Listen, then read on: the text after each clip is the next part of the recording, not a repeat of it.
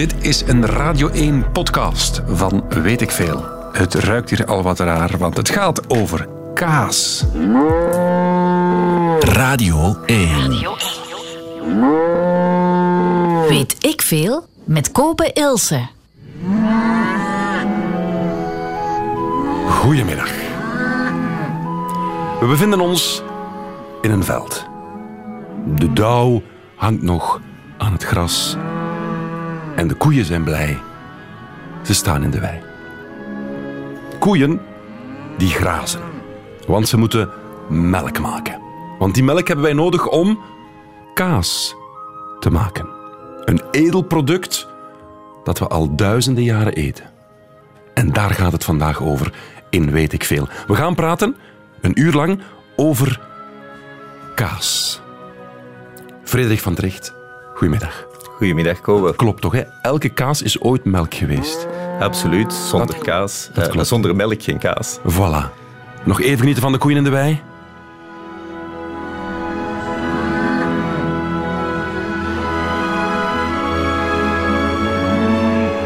Voilà, hè.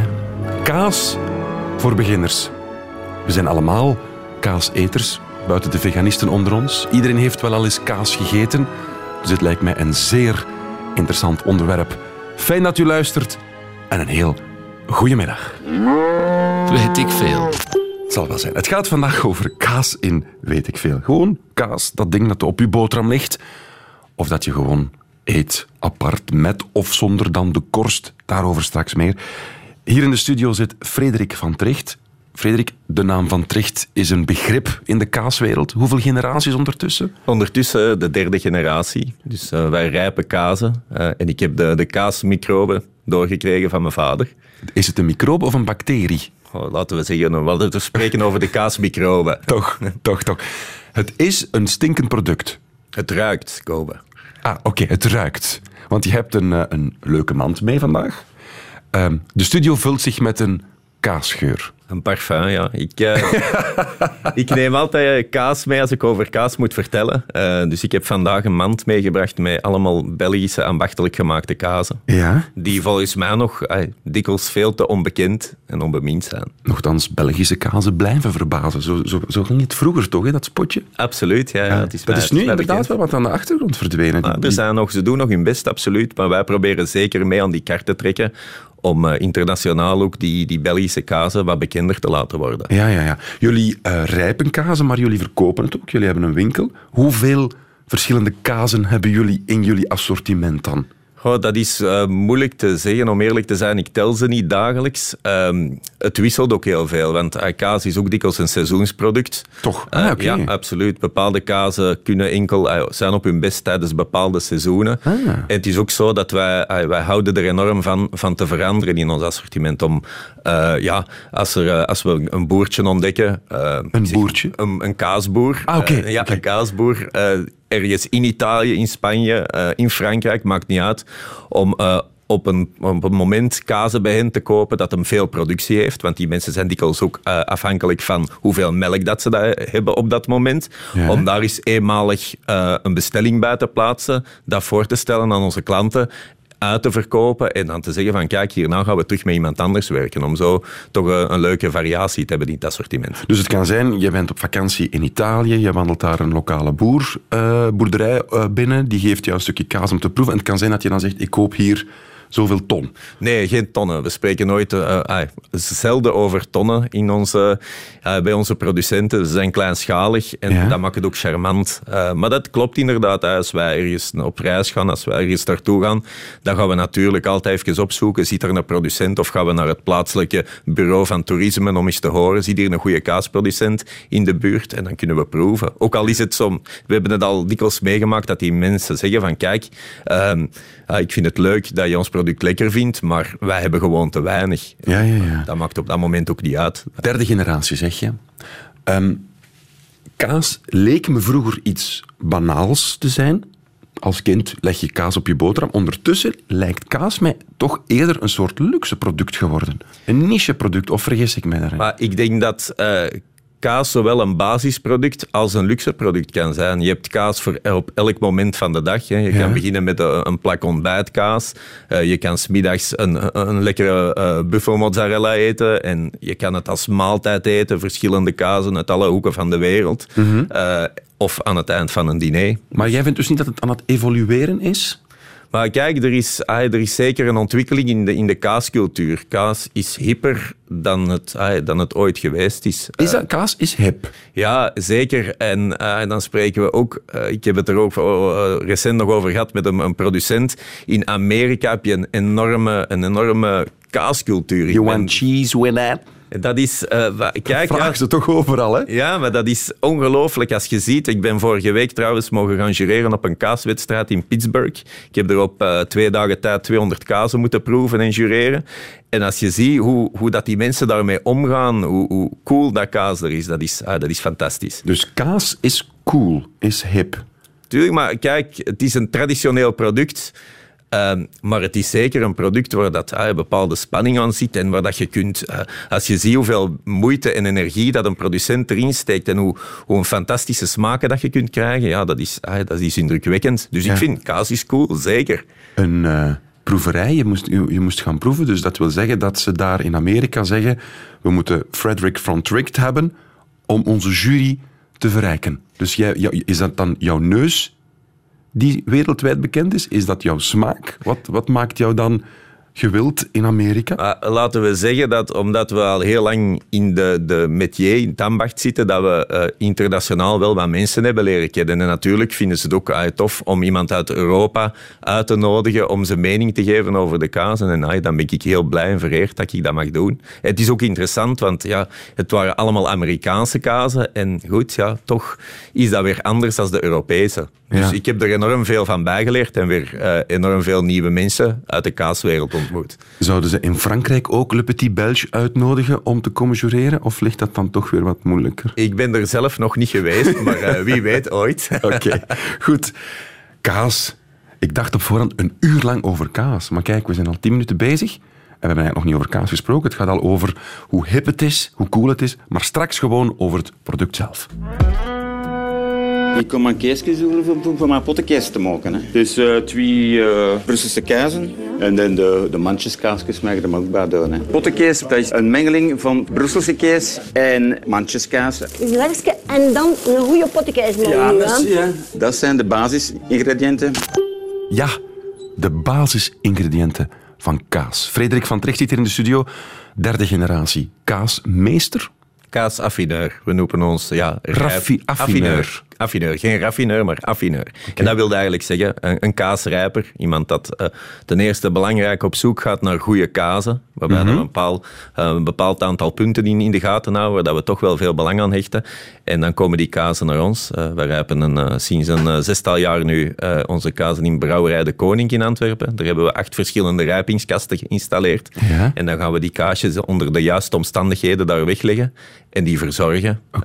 En dan op het moment dat ze klaar zijn, eh, ze ja, op de markt brengen naar onze klanten. Maar laten we beginnen bij het begin. Wat is kaas nu eigenlijk precies? Wat heb je nodig om dat te maken? Goede melk. Daar begint het natuurlijk mee. Want Oké. zonder goede melk nooit geen goede kaas. En wat is goede melk?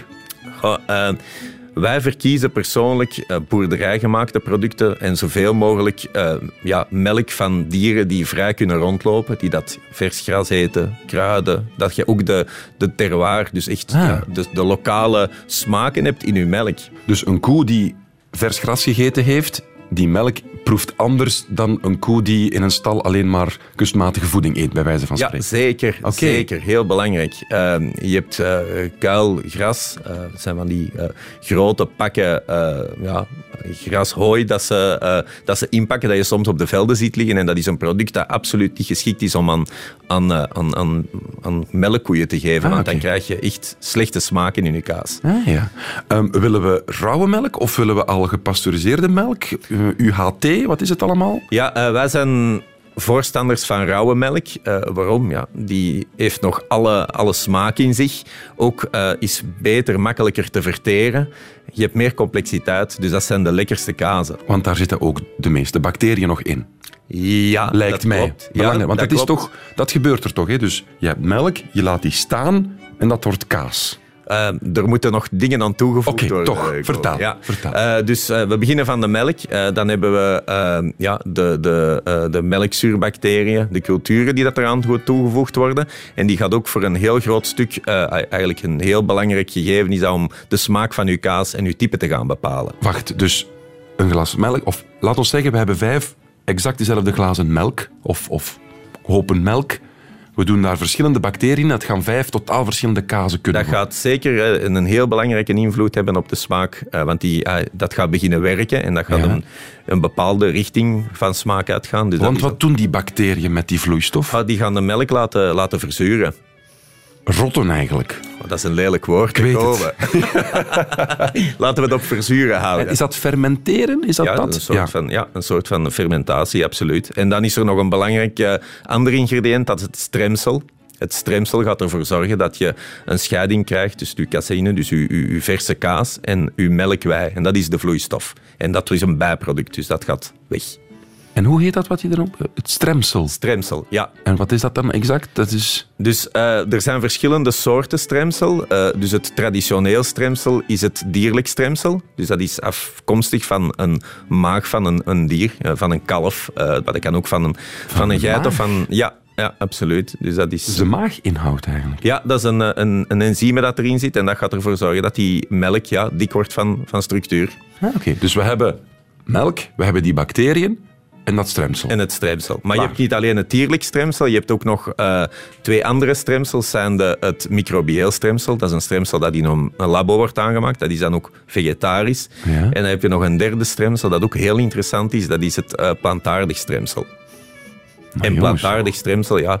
Elk stremsel gaat ook weer andere eigenschappen geven aan je kaas. Het begint te dagen hoe complex een kaas eigenlijk is. Ja, je moet, ah, je moet goed begrijpen dat je altijd begint van melk en dat je zoveel verschillende smaken en structuren Ja. gaan, kan krijgen. En ja, dat, moet ergens van komen. Want je kan er ook nog kruiden aan toevoegen, je kan wat extra zout, je kan... Ja, zout is ook nog een heel belangrijk eh, ingrediënt van kaas. Ah, toch? Omdat dat gaat zorgen voor de bewaring. Oké. Ja, dus elke kaas wordt gezouten, ofwel in een pekelbad, ofwel droog gezouten. Oké. En hoe lang duurt het dan tussen de koe die de melk afstaat aan de mens en het blokje kaas dat we kunnen opeten? Lang dat is ook weer heel afhankelijk van eh, welk product dat je gaat maken. Eh, als je een, ja, een oude kaas van, van anderhalf, twee jaar, ja, dan heeft dat Ah, ja, natuurlijk twee jaar productie, ja, rijpingstijd nodig. Ehm, wil je een, een, verse, eh, een verse kaas, een verse geitenkaas, dan kan dat al zijn dat die de dag voordien gemaakt is en dat je hem de dag erop al op je bord hebt.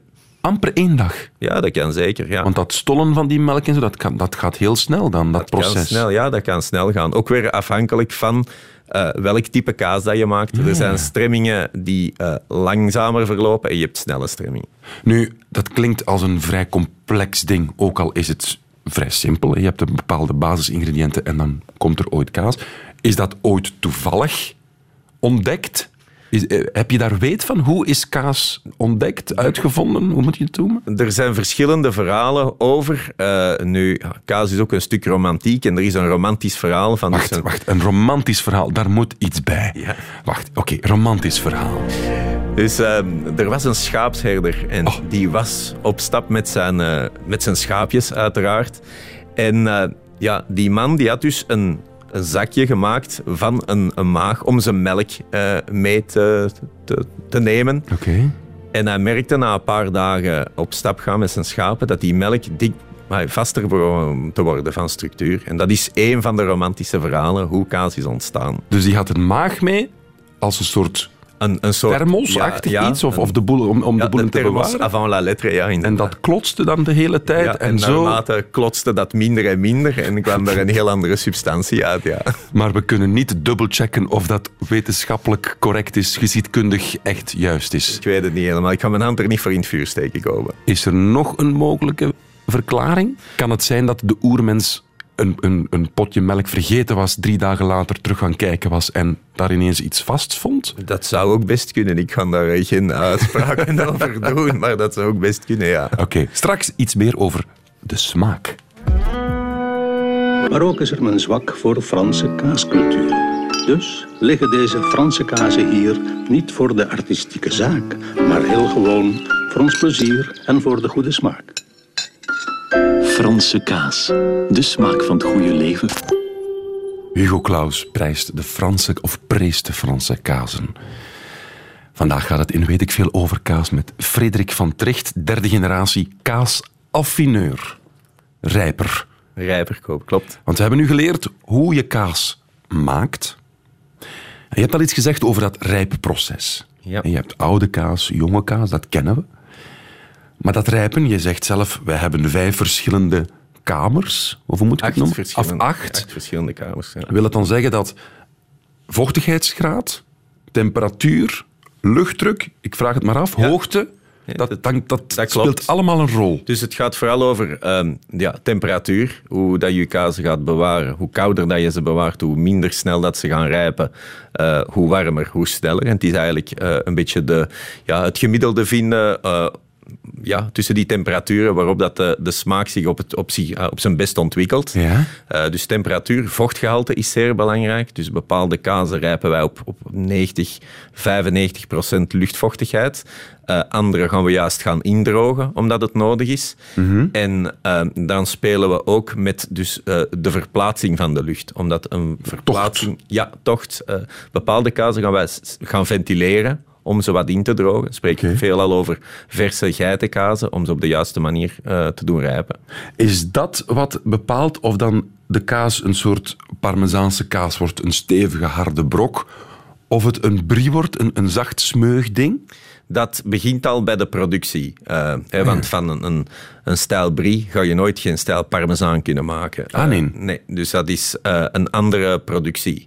Dus eh, ja, anders gaan stremmen. De vrongel, dus de kaas, de verse kaas, fijner in stukjes gaan snijden om er zoveel mogelijk vocht uit te krijgen. Die vrongel zelfs gaan verwarmen om nog meer vocht uit, uit, die, uit die kaas te krijgen, zodat je een, een droge, harde, vaste kaas krijgt. Ah, dus een droge, harde, vaste kaas, dat is niet door het bacterieel proces, dat wordt echt gemanipuleerd. Dat wordt gemanipuleerd. dat ja, wordt, dat wordt ook geperst. geperst. Inderdaad, ja. Ah, ja. Dus oké. die, ja, die harde kazen worden ook geperst, terwijl dat een, een, eh, ja, een, een camembert de Normandie, dat ze dat met een, met een, een soort pollepel in de vormen eh, gaan doen en dat die kaas eigenlijk amper geperst wordt. En die, die grote bergkazen, denk aan, aan Comté, aan Beaufort, eh, aan, aan een Parmigiano eh, Reggiano, dat wordt echt geperst om er zoveel mogelijk vocht uit te krijgen, dat hij vast wordt van structuur. Ja, ja, ja. Het ging tijdens de plaat daarnet over wat is nu het land met de beste kaas? Jij zei... Nee, je, je, je had er eigenlijk nog geen mening. Je zei wel, de bergen bepalen het. Maar kijk, eh, Frankrijk is en blijft een, een kaasland waar dat er enorm veel eh, variaties. Je hebt er ook alles. Je hebt de zee, eh, je hebt meer het binnenland, je hebt de bergen en ook dat is bepaald. Ik heb het er net al kort over gehad. Het, het, wat de dieren eten eh, is ja, van, van belang voor de smaak van uw, van uw eindproduct. Eh, als je koeien hebt die grazen vlak aan de zee, die, die een, een soort présalé, een zout, zout gras eten, dat ga je proeven in je kaas. Ah, ja. Als je naar de bergen trekt en die koeien lopen er tijdens de zomermaanden te grazen, zoals het begon, hè, de dauwdruppels aan het gras, bepaalde bloemen, kruiden dat op die hoogtes in die bergen eh, groeien, dat gaat ook een enorm impact hebben voor de kwaliteit van uw melk en eh, ja, ook uit het eindelijke eh, res- resultaat van uw kaas. Ja, je brengt het aan. Het gaat over smaak. We zitten op een dekentje. En je hebt je mand bij. Hoeveel kazen heb je mee? Ik moet even tellen. Het stuk of tien, er- Ja, het zijn er een, een twaalftal, denk ik. ja. De smaak van een kaas. Is dat puur de kruiding? Is dat puur wat de mens daar heeft mee gedaan? Of is dat ook de natuur die bepaalt? Ook eh, de natuur gaat bepalen. Wij hebben zo eh, in België een uh, hervenkaas. Dat is de enigste appellation origine uh, protégé dat we hebben in België. Ja? Frankrijk heeft er veel meer, Italië heeft er veel meer. Uh, dat is een kaas die wordt gemaakt in de, in de, op de plateau van Herven, in de buurt van Luik. En daar zitten ze juist met een heel specifieke uh, ja, smaak uh, van het gras, dat het heel bepalend is voor, uh, voor de smaak van de kaas. Dus het is een beetje zoals, uh, zoals de geuze bij de bieren. Ja, ja. Je, uh, kan die, je kan die kaas enkel maken daar. Je kan enkel... Je gaat nooit dezelfde smaak. smaak. hebben als je ergens anders maakt als daar. Ja, en dat is dat... ook leuk, hè? dat is die traditie dat er rondhangt. Die appellation Regine Contrôlés zijn er niet voor niks. Een goede camembert de Normandie kan alleen maar in Normandië gemaakt worden. Een comté is typisch voor de Jura.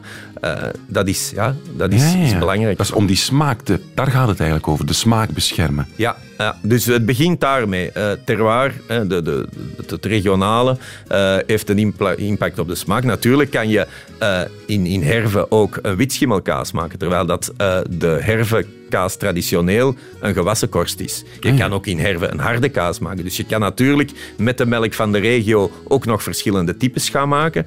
Ehm, maar uh, ja, met de smaak van, van, de, van de plaats. Oké. Okay. Um, hoe proef ik een kaas? Hoe doe ik dat?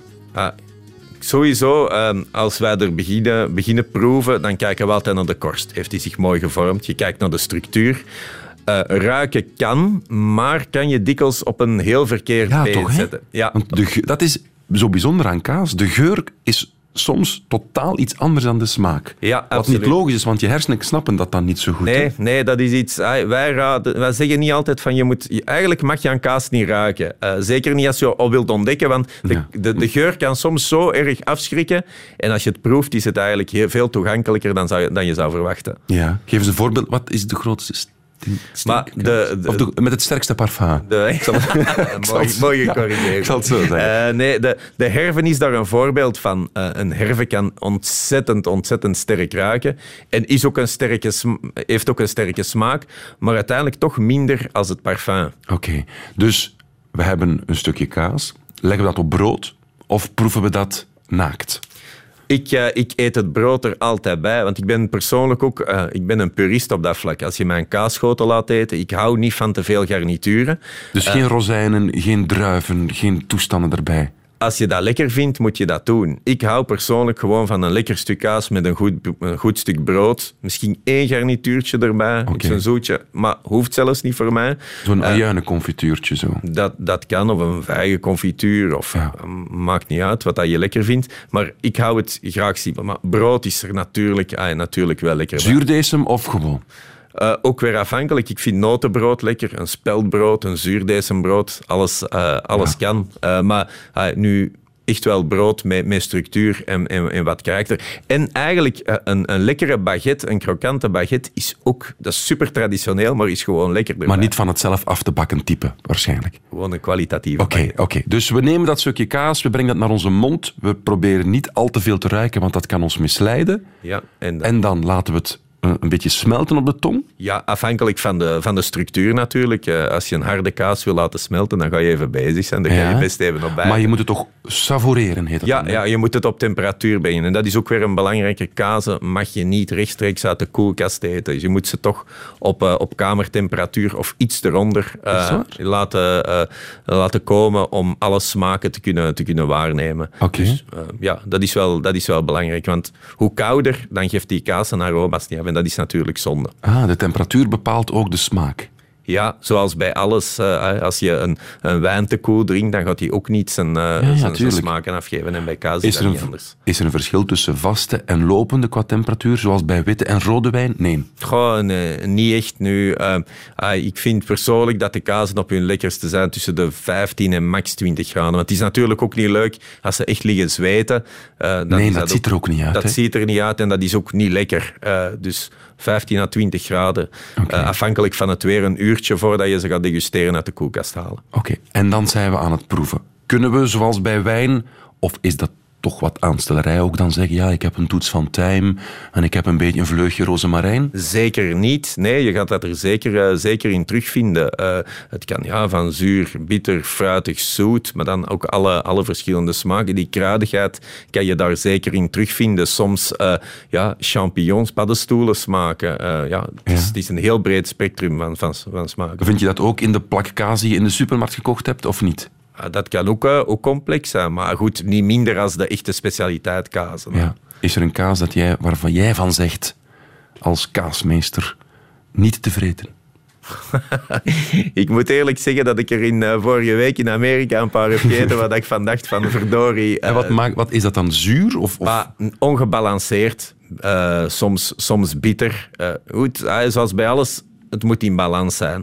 En uh, ik heb daarop, pas op voor alle duidelijkheid, ik heb er ook heel lekkere dingen geproefd, maar ook dingen van, waarvan ik dacht van, verdorie, ja, dat hoeft toch, uh, daar ga ik niet met, niet met plezier nog een tweede hap van nemen. En is er voor jou zoiets als de caviar van de kaas? Het, het, het, het beste dat je ooit gegeten hebt? Maar dat kan heel melig klinken, maar elke kaas heeft zijn moment. Dat ik klinkt heb, melig. Kom ja, af. Ja, ja, goed, Geef ons nu eens ik, ben, ik ben nogal ja, ik ben een enorme fan uh, van, uh, van nogal uitgesproken smaken. Uh, dus ah, ik ben een, een, fan van blauwschimmelkazen. Dus als we dan naar de traditionele Franse gaan, een, een goede gemaakte en ambachtelijke roquefort. Ik vind, dat, ik vind dat top. Dat is zo complex. Daar kan je niet veel van eten, maar dat hoeft ook niet. Je moet dat degusteren.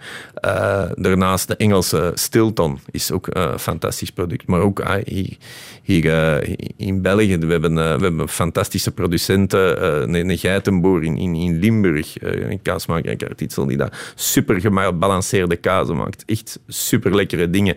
Uh, Dinkelspel in Gent, die daar een hele mooie blauwschimmel maakt. er zijn er enorm, enorm veel. Ja, je kan niet zo zeggen van dat is voor mij echt. Goh, moeilijk. Elke kaas heeft zijn moment. Mooi gezegd. Ça sent la bière de Londres à Berlin. Ça sent la bière, Dieu qu'on est bien. Ça sent la bière de Londres à Berlin. Ça sent la bière, donne-moi la main. C'est plein d'Eulenspiegel et de ses cousins et d'arrière-cousins de Bruegel l'ancien. C'est plein de vent du nord qui mord comme un chien, le porc qui dort, le ventre plein.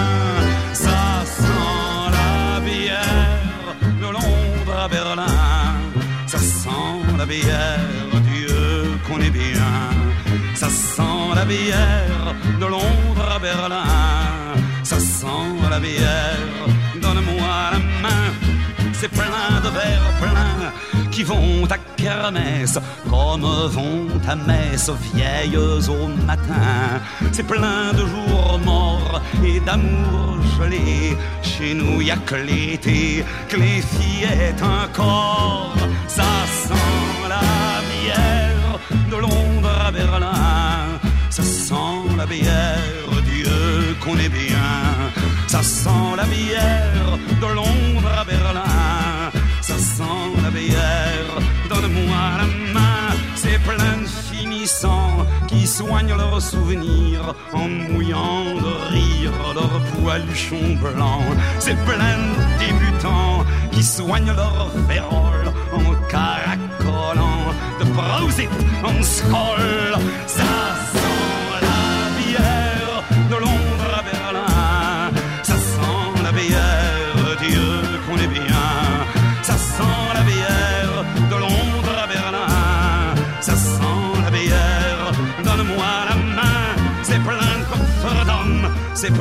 d'Amsterdam, c'est plein de mains d'hommes au groupe des femmes. C'est plein de mémères qui ont depuis toujours un sein pour la bière, un sein pour l'amour.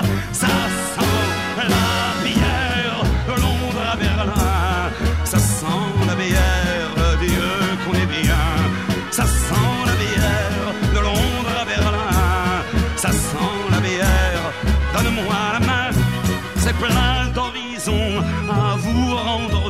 Jacques Breilin weet ik veel over kaas. La Bière heet het nummer. Heel kort, Frederik, is het nu bier of wijn bij kaas?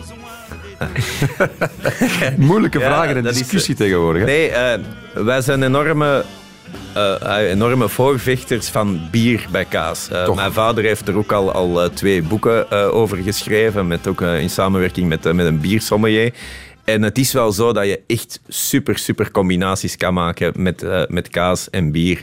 Ook omdat je eh, in bier zoveel verschillende smaken kan vinden. Eh, gaan van zure bieren, denk aan de oude geuzes, Ja. naar de bittere bieren, de IPA's, tot de fruitig zoete bieren. En eigenlijk de enigste smaak dat je raar of zelden of bijna nooit gaat terugvinden in, in bier is zout.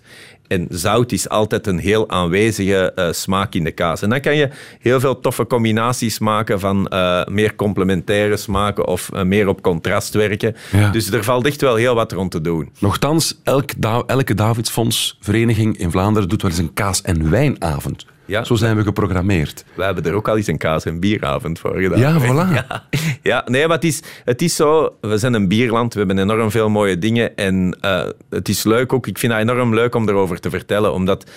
Ik heb het al verschillende malen meegemaakt dat ik een degustatie verzorg eh, en dat er in het begin van de avond eh, mensen een beetje weigerachtig tegenover, ik, tegenover staan. Ik hou niet erg van bier. Maar als je die twee producten samenbrengt, dan, heb je, ah, dan maak je echt wel Zijn die niet complementairder?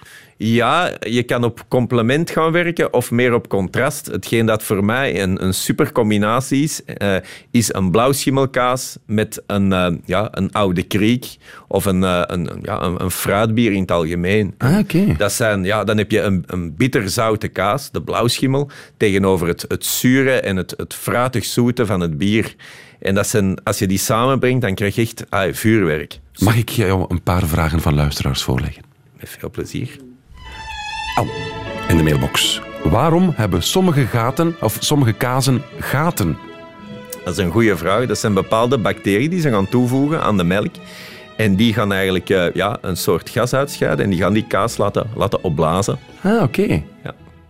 Daar, daarvan komen de gaten. En, je hebt dus niet onder controle of het grote of kleine, dat, dat, dat is de natuur die dat beslist. Nee, dat, eh, dat is ook weer aan de, aan de kaasmaker en ook aan de affineur om, om ervoor te zorgen dat die, dat die gaten egaal zijn en dat, je die, dat die terechtkomen in de kaas waar dat je gaten in wil. Want het, is ook al, eh, het gebeurt ook af en toe dat eh, in, een, in een kaas die geen gaten hoort te hebben, dat die er toch in terechtkomen. En dat je willen we een niet. soort besmetting hebt. En dat klinkt heel vies, maar dan, heb je, dan krijg je een kaas die perfect eetbaar is, maar die dan niet aan de eisen voldoet die de kaasmaker in gedachten had. Nog een vraag. Tom, mag je de korsten opeten? Ehm, kijk, korst, een korst heeft dikwijls heel veel eh, smaak en aroma. Dus van de meeste kazen is het interessant om de korsten mee op te eten. Ik vergelijk het altijd met een, een perfect gebakken steak. Dat krokante, dat gekarameliseerde, dat gaat een meerwaarde geven in de smaak. Als je dat eraf snijdt, is dat zonde. Ja, Bij ja. kaas net hetzelfde. Er zijn bepaalde kazen, ik heb er hier een bij ook, eh, een kaas drie mussen, die is gewassen met, met bier. Daar wordt enorm veel tijd en energie in gestoken. Als je dat eraf snijdt, ja, dan mis je het hele, eh, het hele, de hele smaakbeleving Ja. Van, dat, van dat wassen. Er zijn eigenlijk twee uitzonderingen. Ehm, dus de kaas, halfharde kazen en harde kaas die een droge korst hebben, die kan je niet opeten. En ook niet natuurlijk de, eh, de goudas met die eh, type goudas met die eh, coating. Dat is een bijna plastiek. Ja, voilà. dat plastic, moet je dat natuurlijk niet. niet. nee. maar bij een brie of zo mag allemaal mee. Zeker. Nu is het ook, ook belangrijk, en dat is voor een deel stuk van het werk van ons affineurs, om eh, de kazen zo te bewaren dat de korst een meerwaarde geeft. Want als je een, een, een brie, om maar een voorbeeld te noemen, in, in de koelkast thuis gaat bewaren en eh, je dekt hem niet goed af, dan gaat die korst heel droog en, en ja, echt droog en onaangenaam worden. Dan geeft het ook geen meerwaarde. Ja. Dus eh, je moet de korsten op een goede manier, eh, de kaas op een goede manier bewaren, eh, dat je de korsten mee kan opeten. En dan geeft het zeker een meerwaarde in smaak. Eigenlijk is het beste, omdat dikwijls de meeste smaak in de korst zit, als je een kaas proeft, proef hem altijd even met de korst. Vind je hem te sterk, kan je de korst er nog altijd afsnijden. En Voilà, dat is goed. En nog een laatste. Ik, ik heb eens gehoord, eh mailt Elsie, dat er kazen bestaan met wormen in. Huh? Klopt Ja. dat? Dat klopt. Er is- wormen? Ja, dat is eh, de Katsu Marzu. Eh, dat is een kaas eh, uit, uit Sicilië. Dat is eigenlijk een, een pecorino, dus een harde kaas op basis van, van schapenmelk. En daar zitten, dus daar komt, ze laten die op een heel hoge temperatuur rijpen, waardoor dat er kaasvliegjes opkomen. En die doen hun ding erop. En eh, goed, daar komen natuurlijk larfjes van. En die eten zich een weg door de kaas. En hetgeen dat die teruggeven aan de kaas, is een smeuige structuur. Dus die kaas wordt niet smeug door de rijping, maar doordat die, eh, die, die, die, die, eh, die wormpjes die kaas opeten. Nu, ik moet eerlijk zeggen, ehm, ik heb hem al wel gezien. Ehm, ik heb hem nog nooit geproefd. En ik weet het niet of dat ik hem ooit zou proeven. Want het, maar het feit dat er, eh, dat er van alles ligt te vriemelen en zo... Ah, je moet die wormpjes mee opeten. je moet die mee opeten, ja, ja. Het is ook zo, dat is, pas op, dat is een kaas, daar wordt wel eens iets over gezegd. Hij is ook een tijd eh, verboden geweest. Eh, nu gedogen ze hem, maar ah, het, is niet, het is niet my cup of cheese. Oké. Katsu Marzu. Zo heet die. Zo heet hij. Mocht u nu aan een boterham met kaas bezig zijn voor de lunch, smakelijk. Drie eh, potjes en we gaan jullie die laten rieken. En dus wie kan aanwijzen wat de sok is, die krijgt één punt. Zoveel is duidelijk. Dus in het eerste potje hebben we eh shoom, dat is hele lekkere kaas. In het tweede hebben we een hervekaas. En in het derde hebben we de, de sok van Klaas eigenlijk. Kaas of Klaas. Goed, daar gaan we. Dus ja. Anne van Elzen, dus dit is eh, potje, potje één. Ja, ja. Nou, zeg, zeg nog even niets, ja? Mhm. Ja, ja, goed. Zeer goed. We komen, we komen ja, af. Zeker de tweede. Ja, ik heb twee keer kaas geroken en één keer klaar. Je hebt één keer Klaas geroken. En dat Ja. was de tweede keer. Het tweede potje. Dan, Ja. dan hebben jullie een fijne neus.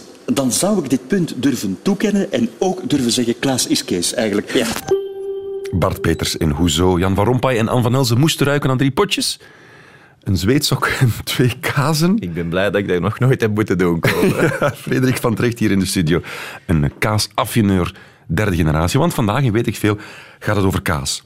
We hebben al geleerd hoe je kaas maakt, hoe je het moet rijpen, hoe je ze moet degusteren, maar nog niet wanneer. Mag ik een persoonlijke frustratie delen, Frederik? Vertel. Dan heb je lekker getafeld in een goed restaurant. Dan heb je een zeer voldaan gevoel. En dan denk je, ah, nog een dessertje. Nee, dan komt daar nog kaas tussen. Ik vind dat zo bizar dat in gastronomische restaurants na de hoofdschotel nog die kaas komt. Want dat is toch al, dat is toch een stevige brok. Dat is nog heel calorierijk, heel zwaar op de maag soms. Het is zo, ah, kijk, voor mij natuurlijk, ik ben, als ik bij klanten ga eten, dan eh, zijn die altijd verbaasd. Dan komen ze natuurlijk naar het hoofdgerecht langs. Zeggen ze, ja, eh, voor u geen kaas zeker? En ik zeg dan altijd, ja, eigenlijk wel. Toch wel? Ja, ik ben, ehm, ik vind, goed, het gaat over, over het degusteren en, en je, je, je, je neemt er iets bij, iets lekker om, om te drinken. Eh, en op dat moment is het belangrijk ook, zoals je zegt, kaas is een stevig product, van geen uit de kluiten gewassen porties te krijgen. Want dat heeft natuurlijk eh, absoluut Daar heb je geen toch zin. gewoon geen zin meer in. Nee, maar eh, hetgeen dat ik regelmatig doe als ik met mijn vrouwke uit ga eten, is een kaasbord delen en dan toch ook nog een dessertje pakken. Omdat ik kan het, ik kan het niet laten. En eh, ja, goed. Maar je vindt dus niet dat dat eigenlijk eerder een voorgerecht is? Of een- eerder enkel het dessert? Nee. Maar kaas, kaas is niet alleen een product om eh, van het bord eh, te eten. Je kan er ook mee aan de slag gaan. Je kan ermee gaan koken. Je kan er heel veel, heel veel dingen mee doen. Dus Ja. kaas heeft ook zeker zijn plaats in een menu. Sommige chefs maken een kaasgerecht. Hetgeen dat ook heel, heel leuk is.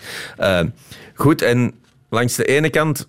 In een, restaurant vind ik ook niet dat je moet altijd verwachten dat ze met een hele, een hele kaastrolley afkomen. Het is natuurlijk wel, wel leuk dat je zelf je keuze kan maken. Maar ik vind persoonlijk, elk restaurant moet een kaas in huis hebben. Ah ja, het- natuurlijk. Voor de verkoop één. natuurlijk, hè. En, eh, maar, maar het gaat... En mijn vader heeft dat eh, ooit... Die was gaan eten in Frankrijk. Die had een, een, in, een gastronomisch restaurant. En eh, na het hoofdgerecht kwamen ze met de chariot, de fromage, de, de, ehm, de, de, het restaurant ingereden. En er lag één kaas op. Eén kaas. Mooi groot stuk bergkaas. eh, mooi, eh, mooi gerijpt. En daar serveerden ze dan één drank bij. Eén drank die dat perfect paste bij dat ene stuk kaas. En dat is ook iets wat ik... ah, wat dat, ik, vind dat, ik, ik vond dat fantastisch om dat, te- om dat te horen. Nu spreek ik een beetje tegen ons eigen winkel, maar één kaas met perfecte glas, dat is, ah, dat is, dat is prima. Hè? Want je hebt zo, als je een kaasbord serveert met heel veel verschillende kaastypes, het is heel moeilijk om daar één drank bij eh, naast te zetten die dat bij al die verschillende kazen kan gaan. Ja, en dan moet je ook niet, dan heb je geen overdaad van, van, van, van zeven, acht verschillende kazen. Nee, dan ga je één stuk kaas proeven, een mooie, eh, een mooie smaakbeleving en dan... Het klopt wel wat je zegt. Het is een compleet product. Want je kan voor, de, voor, het, voor het voorgerecht eerder een, een wat zouter ding. Maar er bestaan ook zoete. Kijk naar tiramisu, daar zit ook veel kaas ja, in, toch? Ja, absoluut. Ja, ja, de, je, kan er, ja, je kan er mee, mee koken, je kan er eh, sauzen eh, of, of eh, sauzen mee maken. Je kan er enorm veel toffe dingen mee doen. Ja, je zegt het zelf, als ze daar met dat charioke afkomen, altijd een leuk moment. Wat, als we dat nu zelf, stel nu mensen zijn geïnspireerd geraakt door deze uitzending, willen vanavond een kaasdegustatie doen. Wat moet je dan zeker hebben? Heb je zo basiskaas dat je zegt, dat moet er zeker op liggen? Ja, eh, dus er zijn een, een aantal kaasfamilies. En als je echt kaas gaat nemen als maaltijd, of je stelt een kaasbord samen met verschillende soorten, is het belangrijk om toch eh, een, ja, een zo eh, verschillende mogelijk variatie op je bord te krijgen. Vertel. En, dus je hebt geit, geit- en schapenkazen, dat is één categorie. Dan heb je de eh witschimmelkaas, dat spreekt voor zich. Eh, dus die kan een, een Brie de Meaux, eh, een Camembert, een Brie à Savarin. Dus dat is de tweede familie. Dan heb je eh, de halfharde kazen, eh, de harde kazen. Dan heb je de, de gewaskorsten of de roodflora kazen, kazen die dat heel sterk ruiken. En dan de blauwschimmels. Dus dat zijn de kaascategorieën. Zijn er vijf of zes ongeveer? Het zijn er zes. Zes, eh, ja. het zijn er zes. eh, Dus en de perfecte kaasplank bevat die zes categorieën. je gaat zo voor, toch zoveel mogelijk diversiteit uit zoveel mogelijk verschillende categorieën een kaas kiezen. Natuurlijk, als je drie soorten gaat serveren, dan eh, ga je zorgen dat je wat verschil hebt, zowel in smaak als in structuur. Eh, Mhm. Dat je geen drie harde kazen serveert. Ja, ja, ja. ja. Oké. Ehm, we naderen de ontknoping van dit uurtje radio, beste Frederik. En dan is het altijd kijken of de presentator goed geluisterd heeft. Er is veel informatie op iedereen afgekomen. Is er iets blijven hangen? We spelen de quiz, het examen. Weet ik veel. Frederik, vraag 1. Kobe, welke vier ingrediënten heb je nodig om kaas te maken? Oh, dat was eh, melk, uiteraard. Eh, bacteriën, stremsel en zout. Melkzuur. Melkzuur. Bereken we het juist? Drie op vier. Ja, kom zeg. Ja, voilà. Vraag 2. Hoe krijg je een harde kaas? Hoe krijg je een harde kaas? Wacht, je hebt dat uitgelegd. Is dat niet door... Je moet het vocht eruit krijgen. dus we klopt. kunnen gaan drogen en persen. Ja, Klopt dat? ja, ja dat is eh, ja. Voilà. goed. Alright. Vraag 3. Ik- wij zijn voorstanders eh, van rauwmelkse kazen. Eh, maar waarom? Omdat er dan meer bacteriën nog in zitten. Omdat er meer complex- complexiteit in de smaak zit. Maar het komt er eigenlijk een beetje op neer. Ja, Goede toch? bacteriën. Oké. Tegen het goed. Vierde vraag. Frankrijk is het kaasland bij uitstek, maar waarom? Door de bergflanken? Omdat koeien die in de bergen grazen beter? Onder andere, ja. Maar gewoon ook de diversiteit. eh, je hebt de kust, dus het zuiden Juist, van het was- zout, ja, het binnenland. Dat gaat niet goed, ik. Kan niet heel snel de laatste vraag. Eh, we hadden het even over de, de kaas met wormpjes uit Sicilië. Ja. Hoe heet die ook weer? Koop? Karzo, maar zo of Ja, zoiets. kijk eens aan, ja. Frederik, Dankjewel. Radio 1. Weet ik veel? Dit was een podcast van Weet ik Veel en we hebben er nog een pak meer. In de zomervakantie kan je Weet ik Veel ook op de radio beluisteren. Elke weekdag tussen 12 en 1 op Radio 1 natuurlijk.